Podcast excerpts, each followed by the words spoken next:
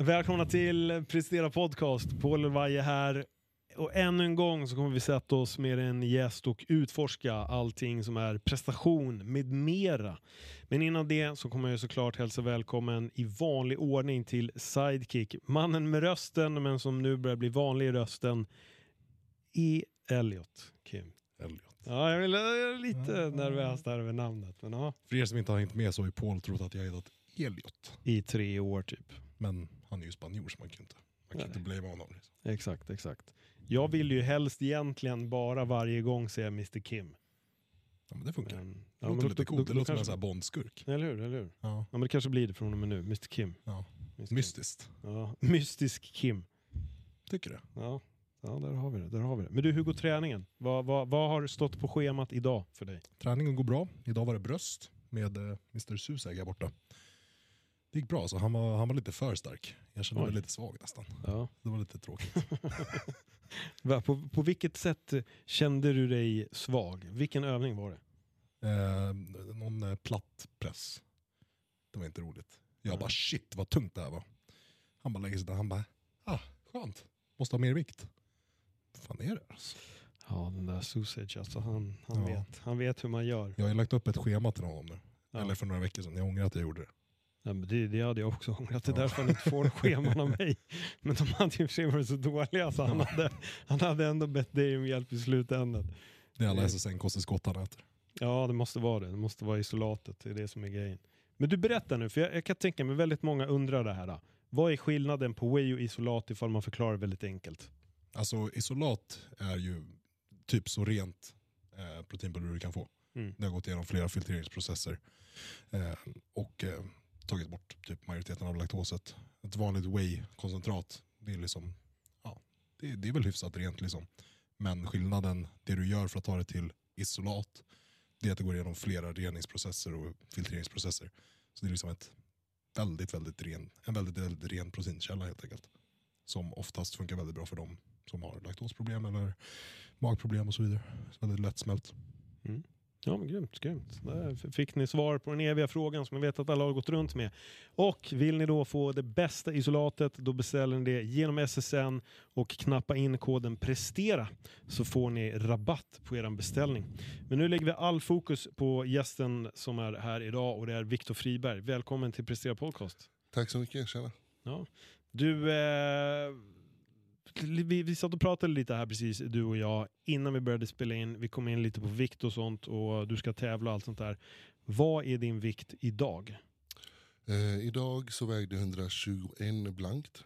Eh, så det är väl runt där som jag ligger just nu i alla fall. Eh, det snittar upp till 121, ner till 120 så går det lite där runt omkring just nu i alla fall. Ja. Hur, hur ofta väger du egentligen? Varje dag. Varje dag? Ja, Och det är mest för att jag checkar in till min coach och eh, när jag gör det så vill vi ta en snittvikt på hela veckan. För säg att till exempel vi har incheckningar varje lördag. Så just den lördagen kanske jag har gått upp i vikt av vätska till exempel. Man har sovit lite dåligt. Eh, Så säg att jag den dagen, om man kollar lördag till lördag, har gått upp två kilo. Men kikar man hela veckan så kanske jag har gått upp 0,3 kilo. Som det var denna veckan till exempel. Eh, Så det är därför som jag gör så. Mm. Vad, vad är målet? Liksom, hur, hur mycket vill du upp till innan du känner dig tävlingsredo om man säger så? Grejen är att jag vill upp till 130 i alla fall. Men samtidigt så ska det se bra ut på 130 också. Mm. Eh, Så första pitstoppet är väl 125. Ligga där, se hur det ser ut. Och sen så fortsätta uppåt helt enkelt. Eh, Vi startade off-season denna veckan faktiskt. Och jag har ju aldrig varit på 120 en längre period utan det har varit någon dag bara. Och sen så har jag gått ner till typ 118 och så har jag legat där på snittvikt 118 ungefär. Eh, Medan nu så ligger jag på en snittvikt på 120 kilo. Och då har vi startat off-season nu också. Eh, Så det är ändå bra förutsättningar för att packa på mycket size nu. Ja. Fan, det är verkligen, eh, vad ska man, man ska, det är en, det är korrekta kalkyler som krävs. Jo, det är, det är mycket tänkande är det. Ja. Absolut. Men ganska skönt att lägga ändå det på en coach va? Att, Ja, att liksom kunna köra och, och liksom följa istället direktiven istället för att ha koll på allting kan jag tänka mig. Gud ja, alltså, jag coachar ju själv och har väldigt mycket eh, erfarenhet och kunskap. Men grejen är att om jag skulle coacha mig själv, vilket jag har gjort andra gånger, Mm. så blir det att jag bara övertänker. Eh, jag stirrar mig blind på till exempel läser på vissa saker och så vidare. Och så blir det att man bara byter runt hela tiden. Man byter träningsapproach och man byter dittan och dattan. Eh, så att coacha mig själv funkar inte men att coacha andra det funkar. Mm. Ja, men jag kan, jag kan tänk, verkligen tänka mig att det är så. Hur, hur Mm. mycket klienter har du på ett ungefär? Just nu så har jag väl runt 20 i alla fall.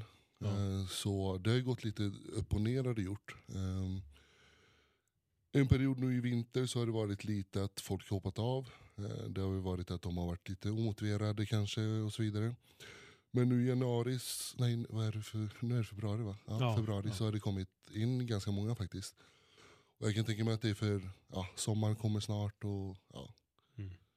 Så det är ändå kul. Ja, men då är det olika. Det är inte så alla, åh jag, måste, jag vill tävla, utan du har verkligen en, en variation på, på klientell kan jag tänka mig. Precis. Alltså, jag, de flesta coacher vill tävla framöver skulle jag nog säga. Men jag hjälper till alla som Mm. är redo att göra jobbet. Liksom. Just det. Ja. Ja, okej. ja men kul. Roligt att höra. Jag vill att vi, vi backar, för eh, man föds ju inte på 120 kilo. Nej, tyvärr. Då hade man haft en väldigt stor mamma i sådana fall om man Ja, hade gud, kunnat ja. komma ut med 120 Stor bebis alltså. Riktigt stor bebis. Ah, shit. Alltså, tänk på det ändå. Vad är det? Jag vägde tre kilo när jag kom ut. Ja. Tänk ändå den och komma ut ur det hålet alltså. Fy Ja. fasen alltså. ja, som 120 kilo. Då, Ja, då, då är det spräckt för länge sedan. ja.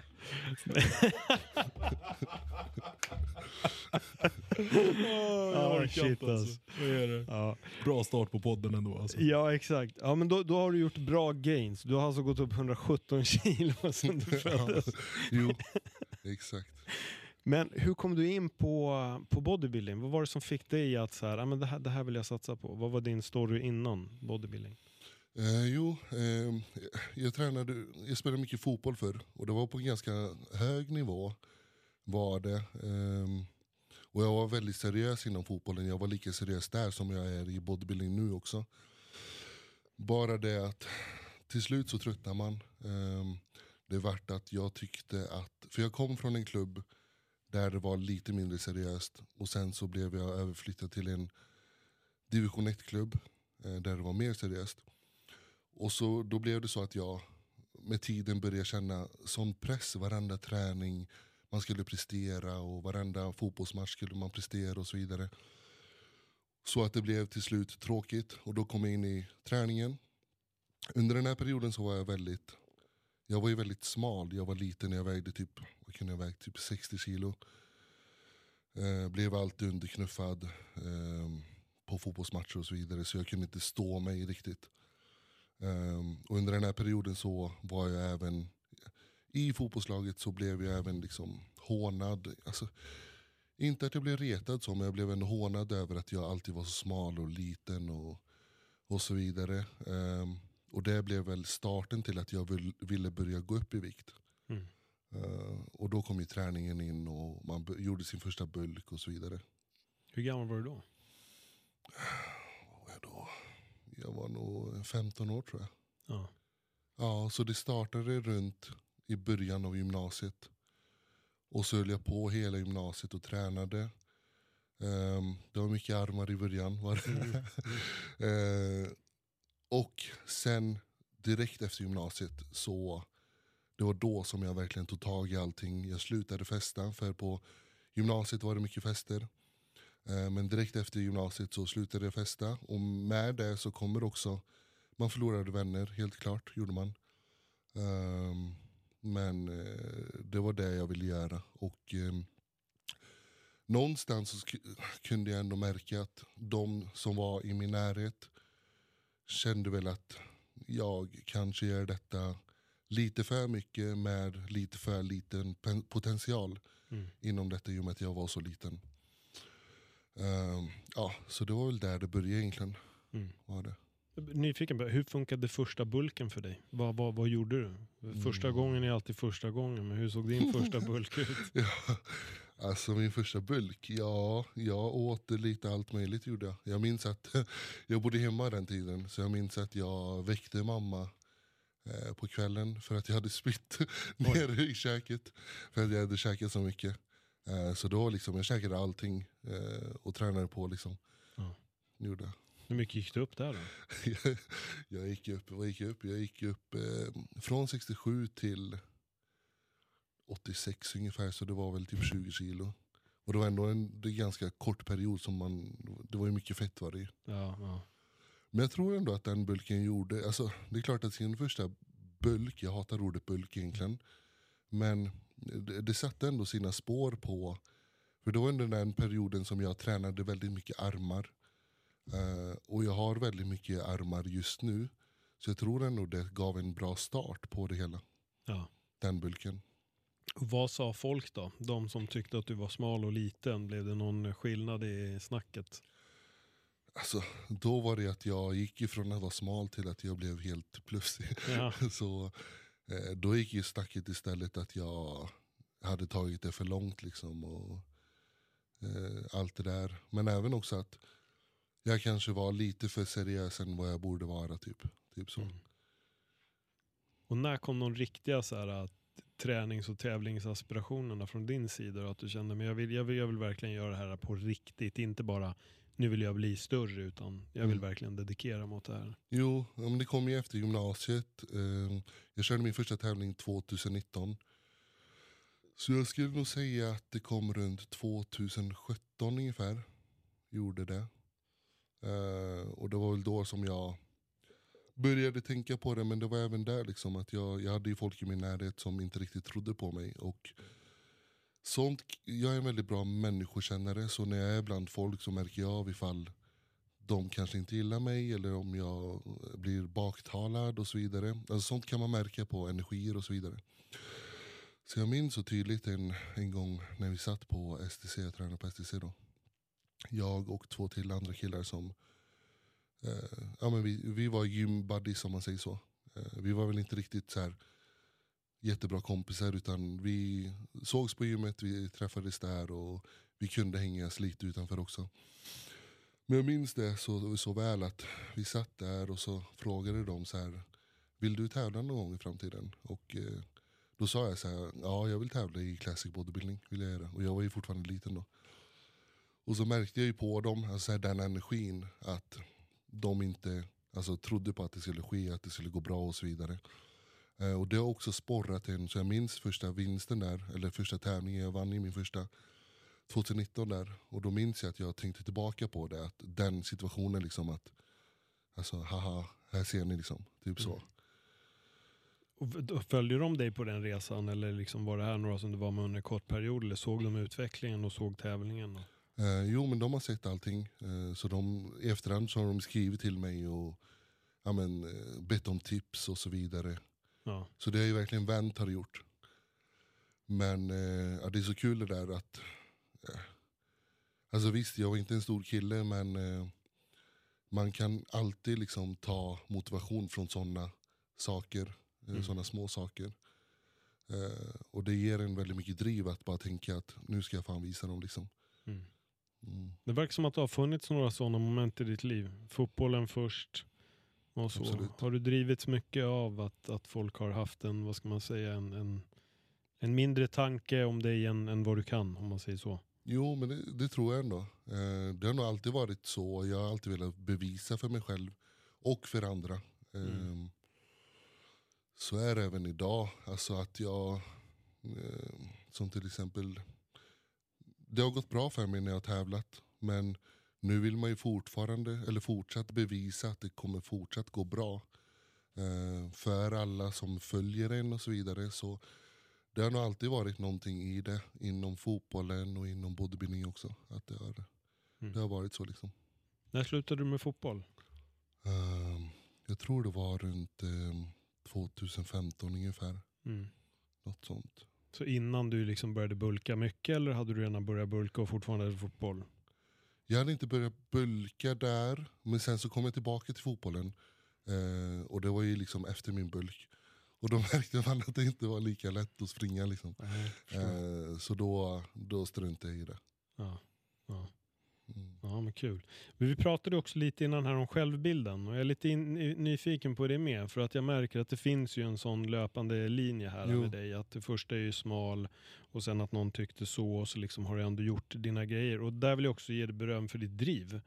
För det är också någonting, för jag vet hur det är att sitta på den änden där folk inte tror på en. Jo, Men att man har det här och liksom köra på ändå för att motbevisa precis som du säger. Ja, precis, det kan ju vara inom allting egentligen. Alltså så här, företagande, business Mm. och så vidare. Så absolut. Exakt.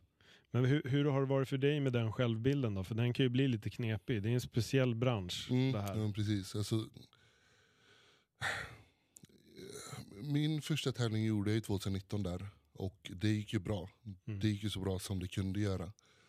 Ehm, men ehm, det man kan tänka då är att man kanske tror att man ska ta, ta med sig det och vara här uppe.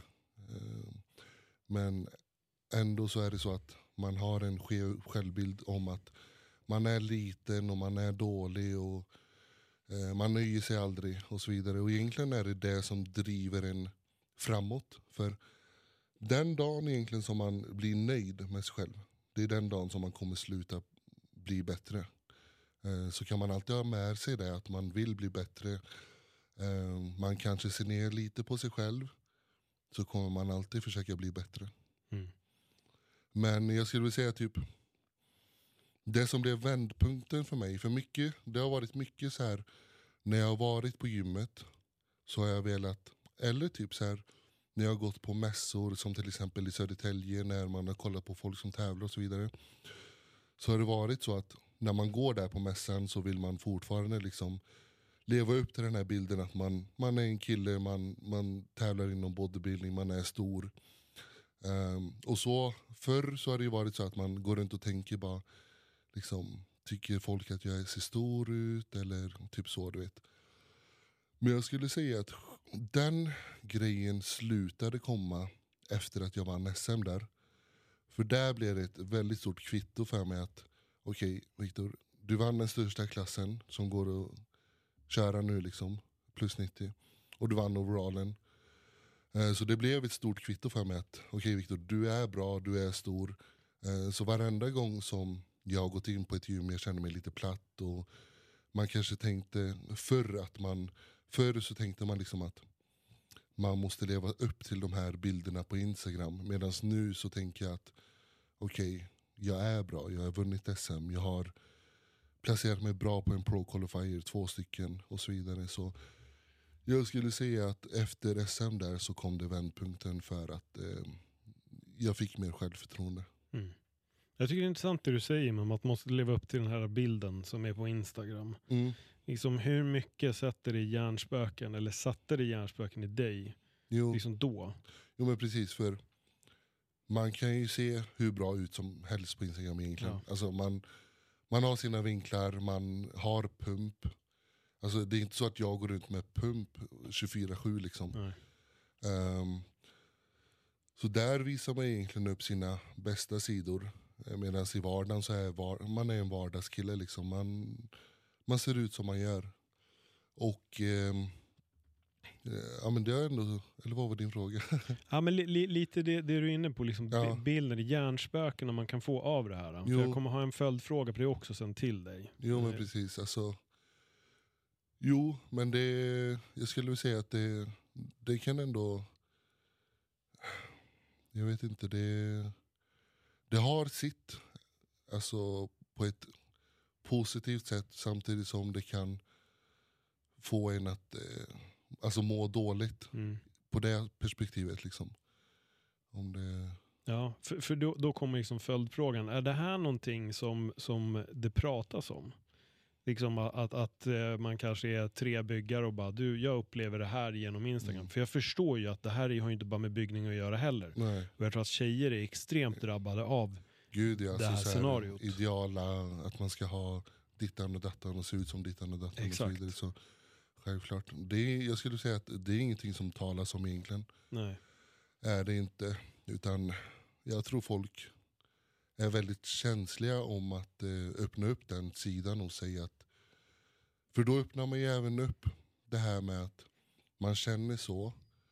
Vilket gör att folk kanske tänker på det sättet när de ser en också. Mm. Att, eh, ja, typ så här, ja, du, att, att de tänker på det. Liksom, ja, du är inte så stor som du ser ut på Instagram och så vidare. Mm. Typ så. Vad, vad skulle du kunna ge för råd till en person som är liksom där du var? Mm. Fin- finns det något sånt?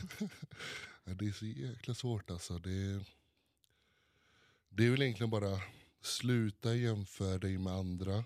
Mm. Eh, för det är det man gör, man jämför sig med andra. Alltså så här, även när jag körde 2018 där, så jämför man sig med dem på Olympia. För det är dit man vill. Eh, så det är väl första steget att sluta jämföra dig med andra. För det vet jag att många gör. Mm. Och även liksom tjejer och att de jämför sig med ehm, ja, men modeller och så vidare. Och så sluta med det liksom. Och sen se detta som långsiktigt. Alltså så här, jag vägde inte 120 för tre år sedan. Det kommer komma, kommer det göra. Bara man är ihärdig och liksom prickar allting så många dagar som man kan, så länge man kan.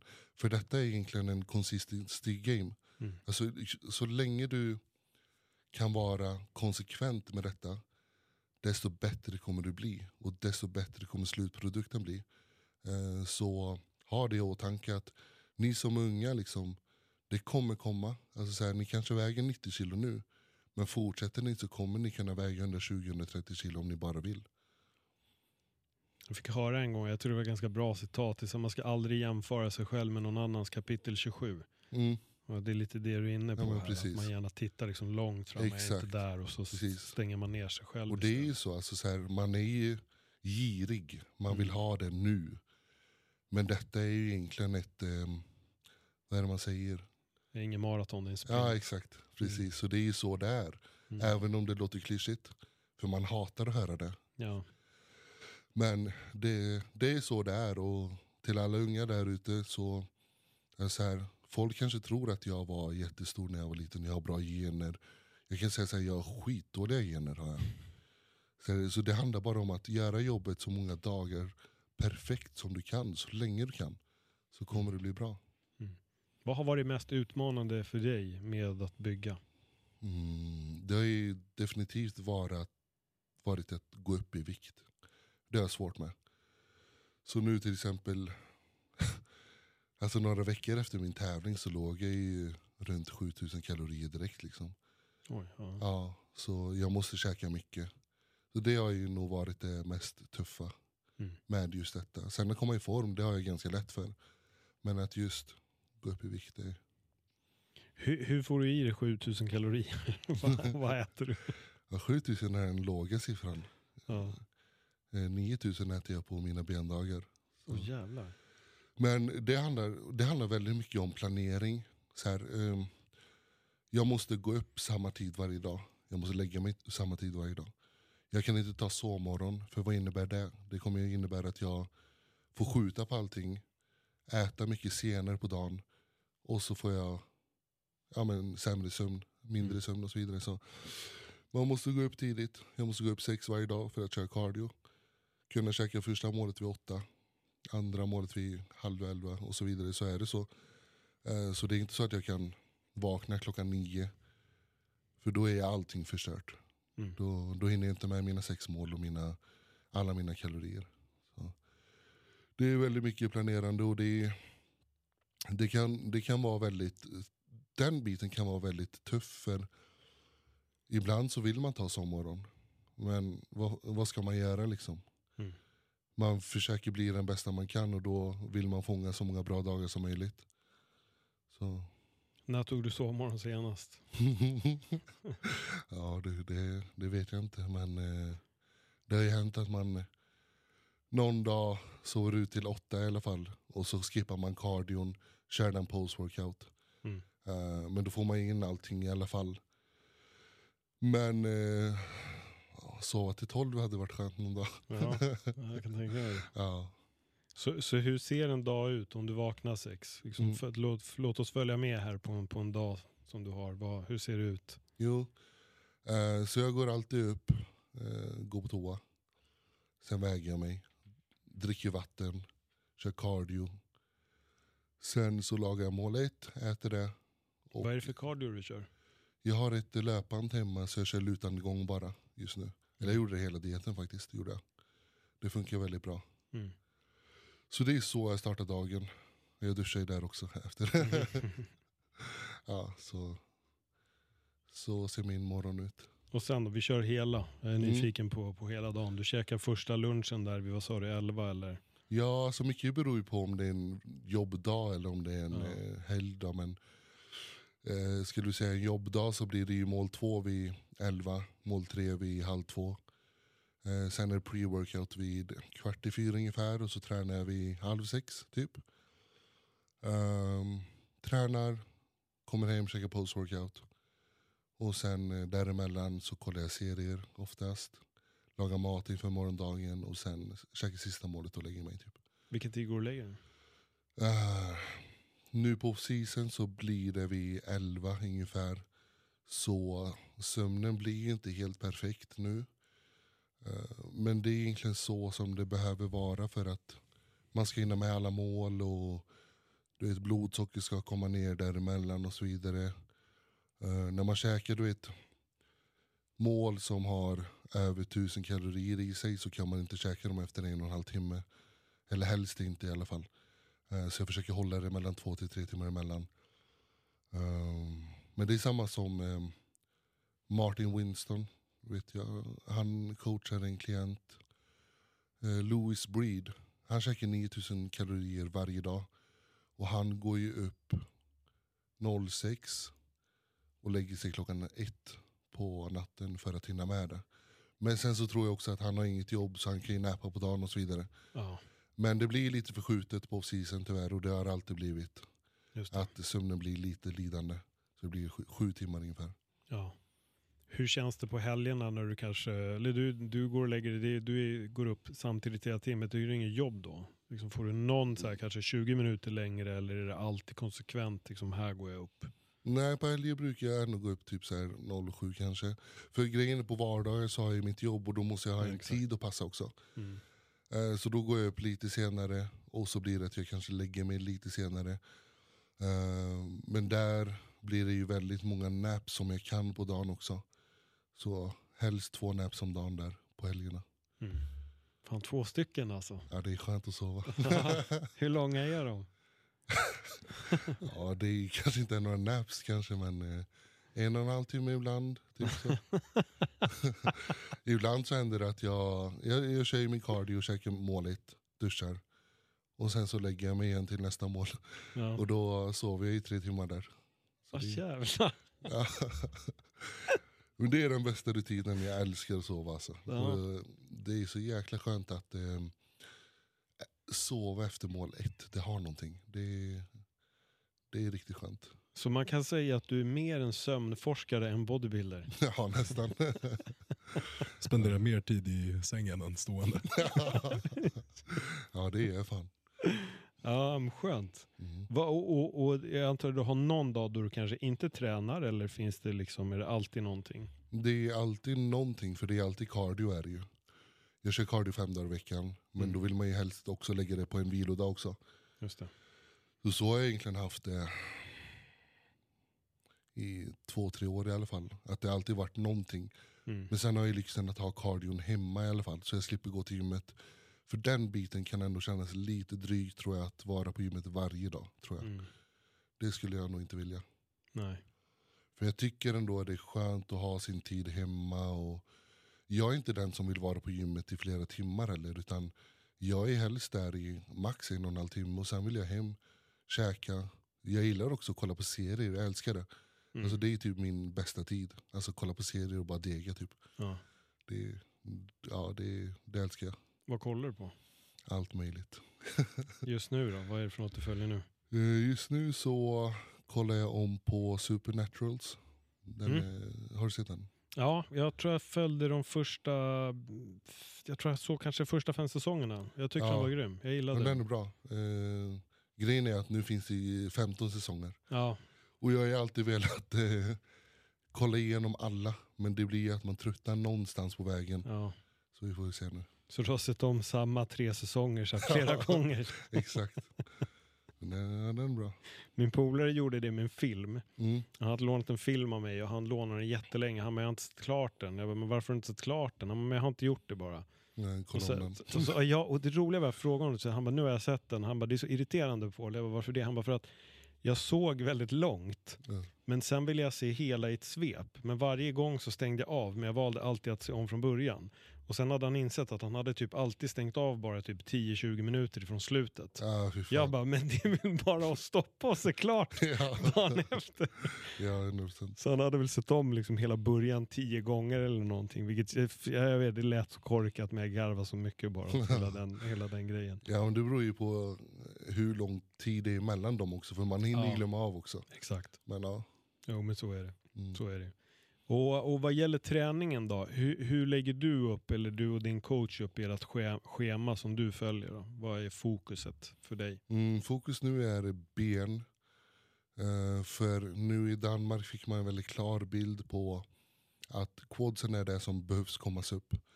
Uh, kollar man på hamstrings så skulle jag kunna säga att det är ändå bra nog som vissa classic fysikproffs. Mm.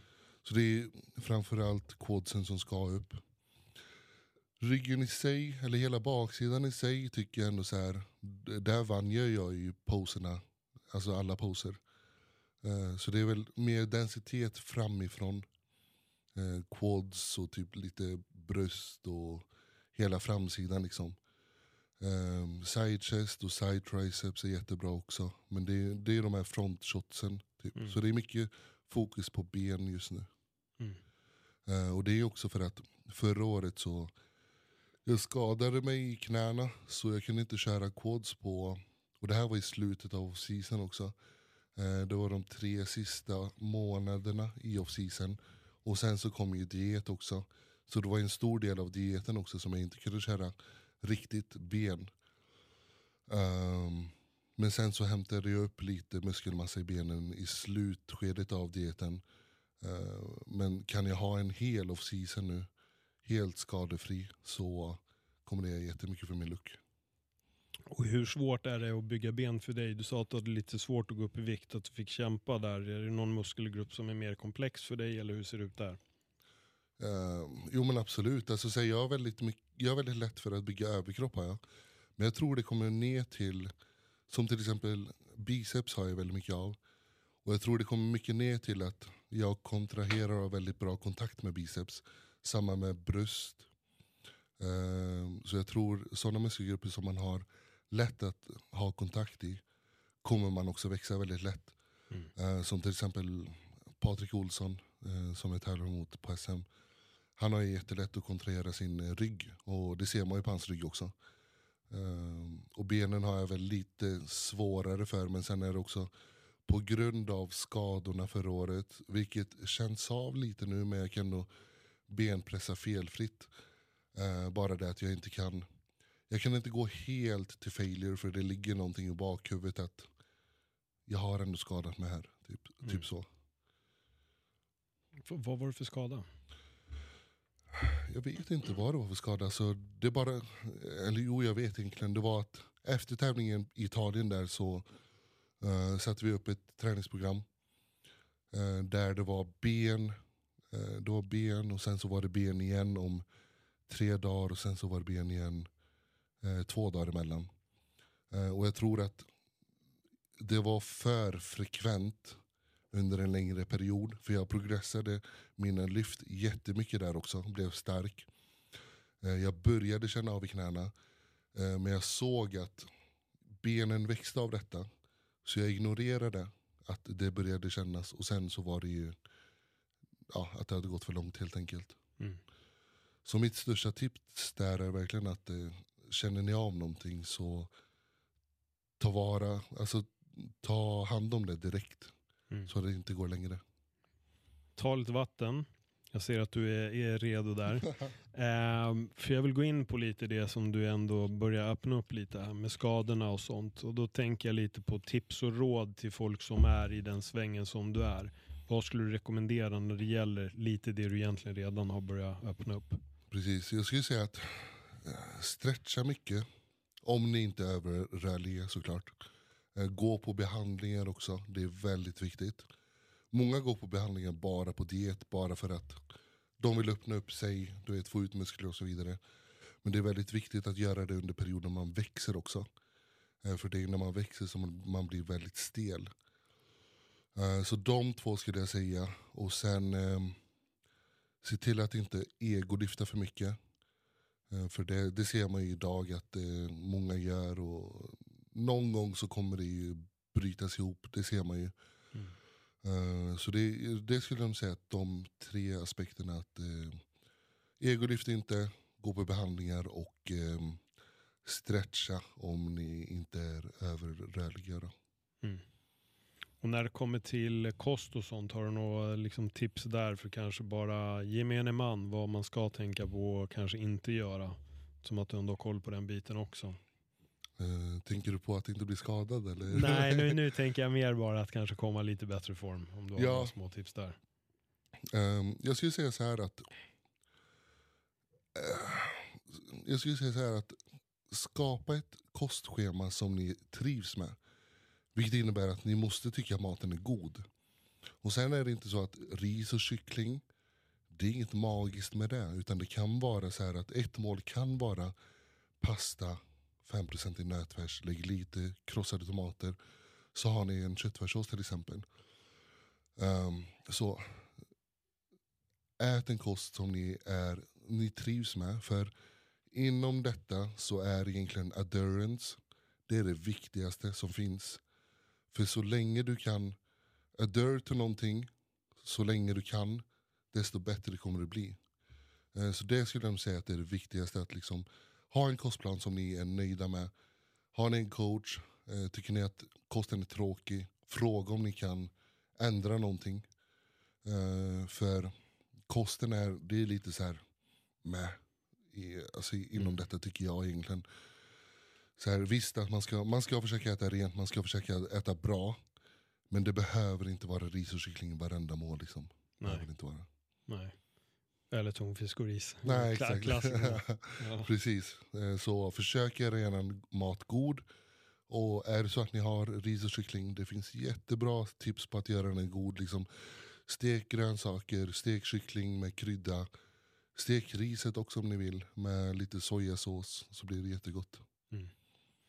Jag är lite nyfiken på hur mycket du jobbar på att förbereda dig för att stå på scen. Mm. För det är också en grej. Du är redan inne på lite vinklarna.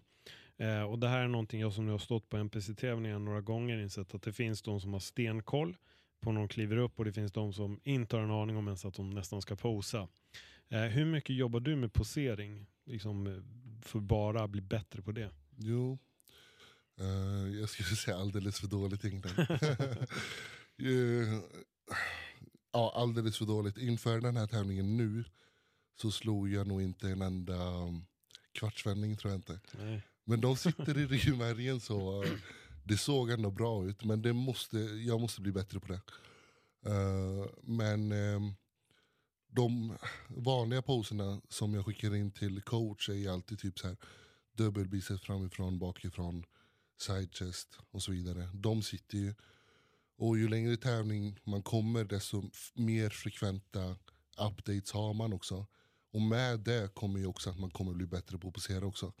Men ehm, på den fronten så är det inte mycket förberedande. nej. Nej. Det kan bli bättre. Ja, Okej, okej. så du får lite bakläxa efter den här podden. Exakt. posera. Elliot, hur viktigt är det för honom att, att posera mer eller allmänt för folk? Jo men eh, jag skulle säga att det är väldigt viktigt. Man ser ju som du sa många som kliver upp på scen. Nu, var ju, nu gick ju inte du upp på scen och inte visste vad du gjorde liksom. Men man ser ju många som går upp på scen och de är vingliga, de skakar, de... Det ser ut som att de bara vill vara var som helst annars förutom på scen liksom. Eh, alltså man ser ju folk som tävlar mot, eh, alltså så här, att de, de har en bra fysik, men de möter folk som har helt sjuka fysiker. Men så är det den här killen med sjuk fysik som inte kan posera. Han kommer ändå inte vinna liksom. Nej. Jag kollade på eh, Super Heavyweight eh, förra året, i höstas. Då var det han eh, Scottish Titan. Han skulle ju vunnit, men han poserade bort det. Så då vann ju han andra eh, mörka killen istället. Ja men exakt. Så det har eh, väldigt stor betydelse det där och jag måste bli bättre på det. Ehm, Du får köra lite poseringslektioner med mig. exakt, jag måste göra det. Men om du nu ser att du behöver göra mer av det, du måste ändå funnits någon gång då du har övat på det, kan jag tänka mig. Jo, du ser, sitter i ryggmärgen säger du. Exakt, alltså så här, man har ju ändå slått dem många gånger. Man har poserat mycket för um, inför första tävlingen, inför SM och så vidare. Men eh, det där kommer bara ner till lathet egentligen. Så mitt tips där, även om jag fuckar upp det själv, är, för jag coachar ju ändå andra så jag, jag kan ju ändå komma med tips i alla fall, är att ta tag i det i början av dieten, helst inne på season också.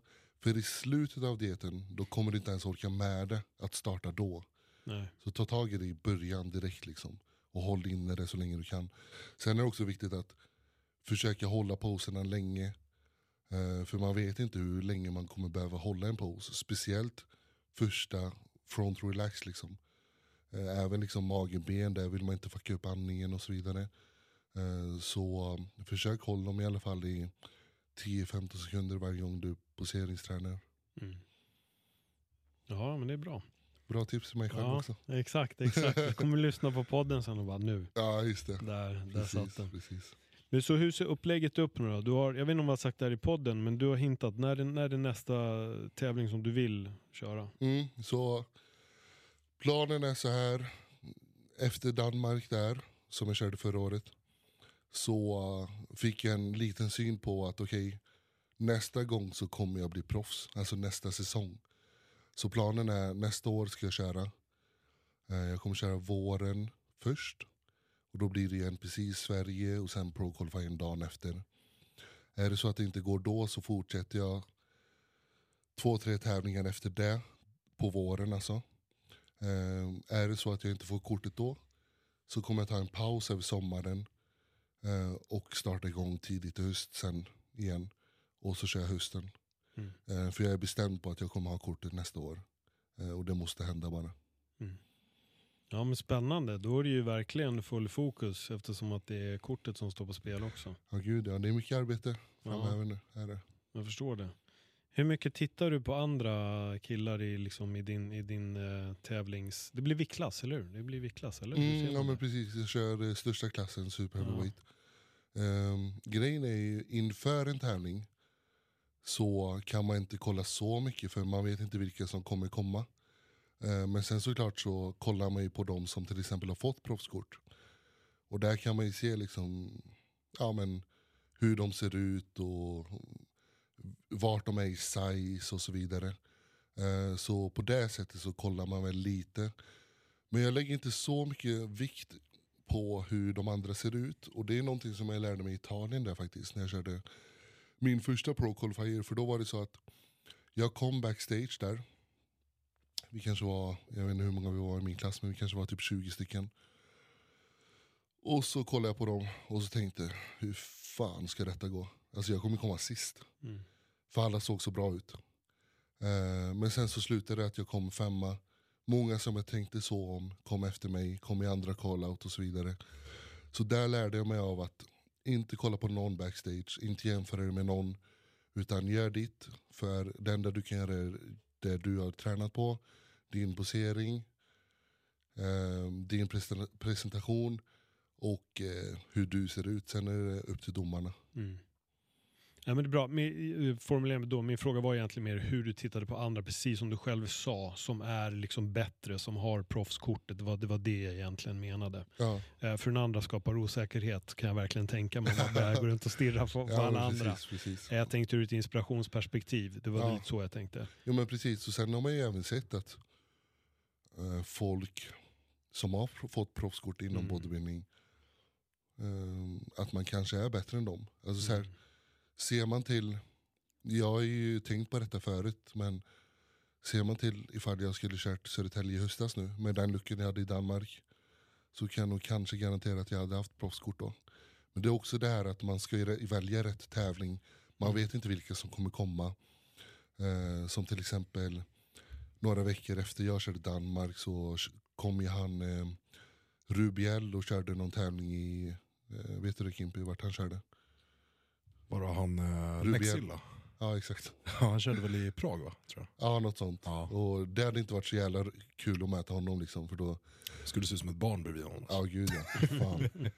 Så det är, det är mycket beroende på vilka som ställer upp. Eh, vissa tävlingar som, jag kan säga, som till exempel den här i Södertälje.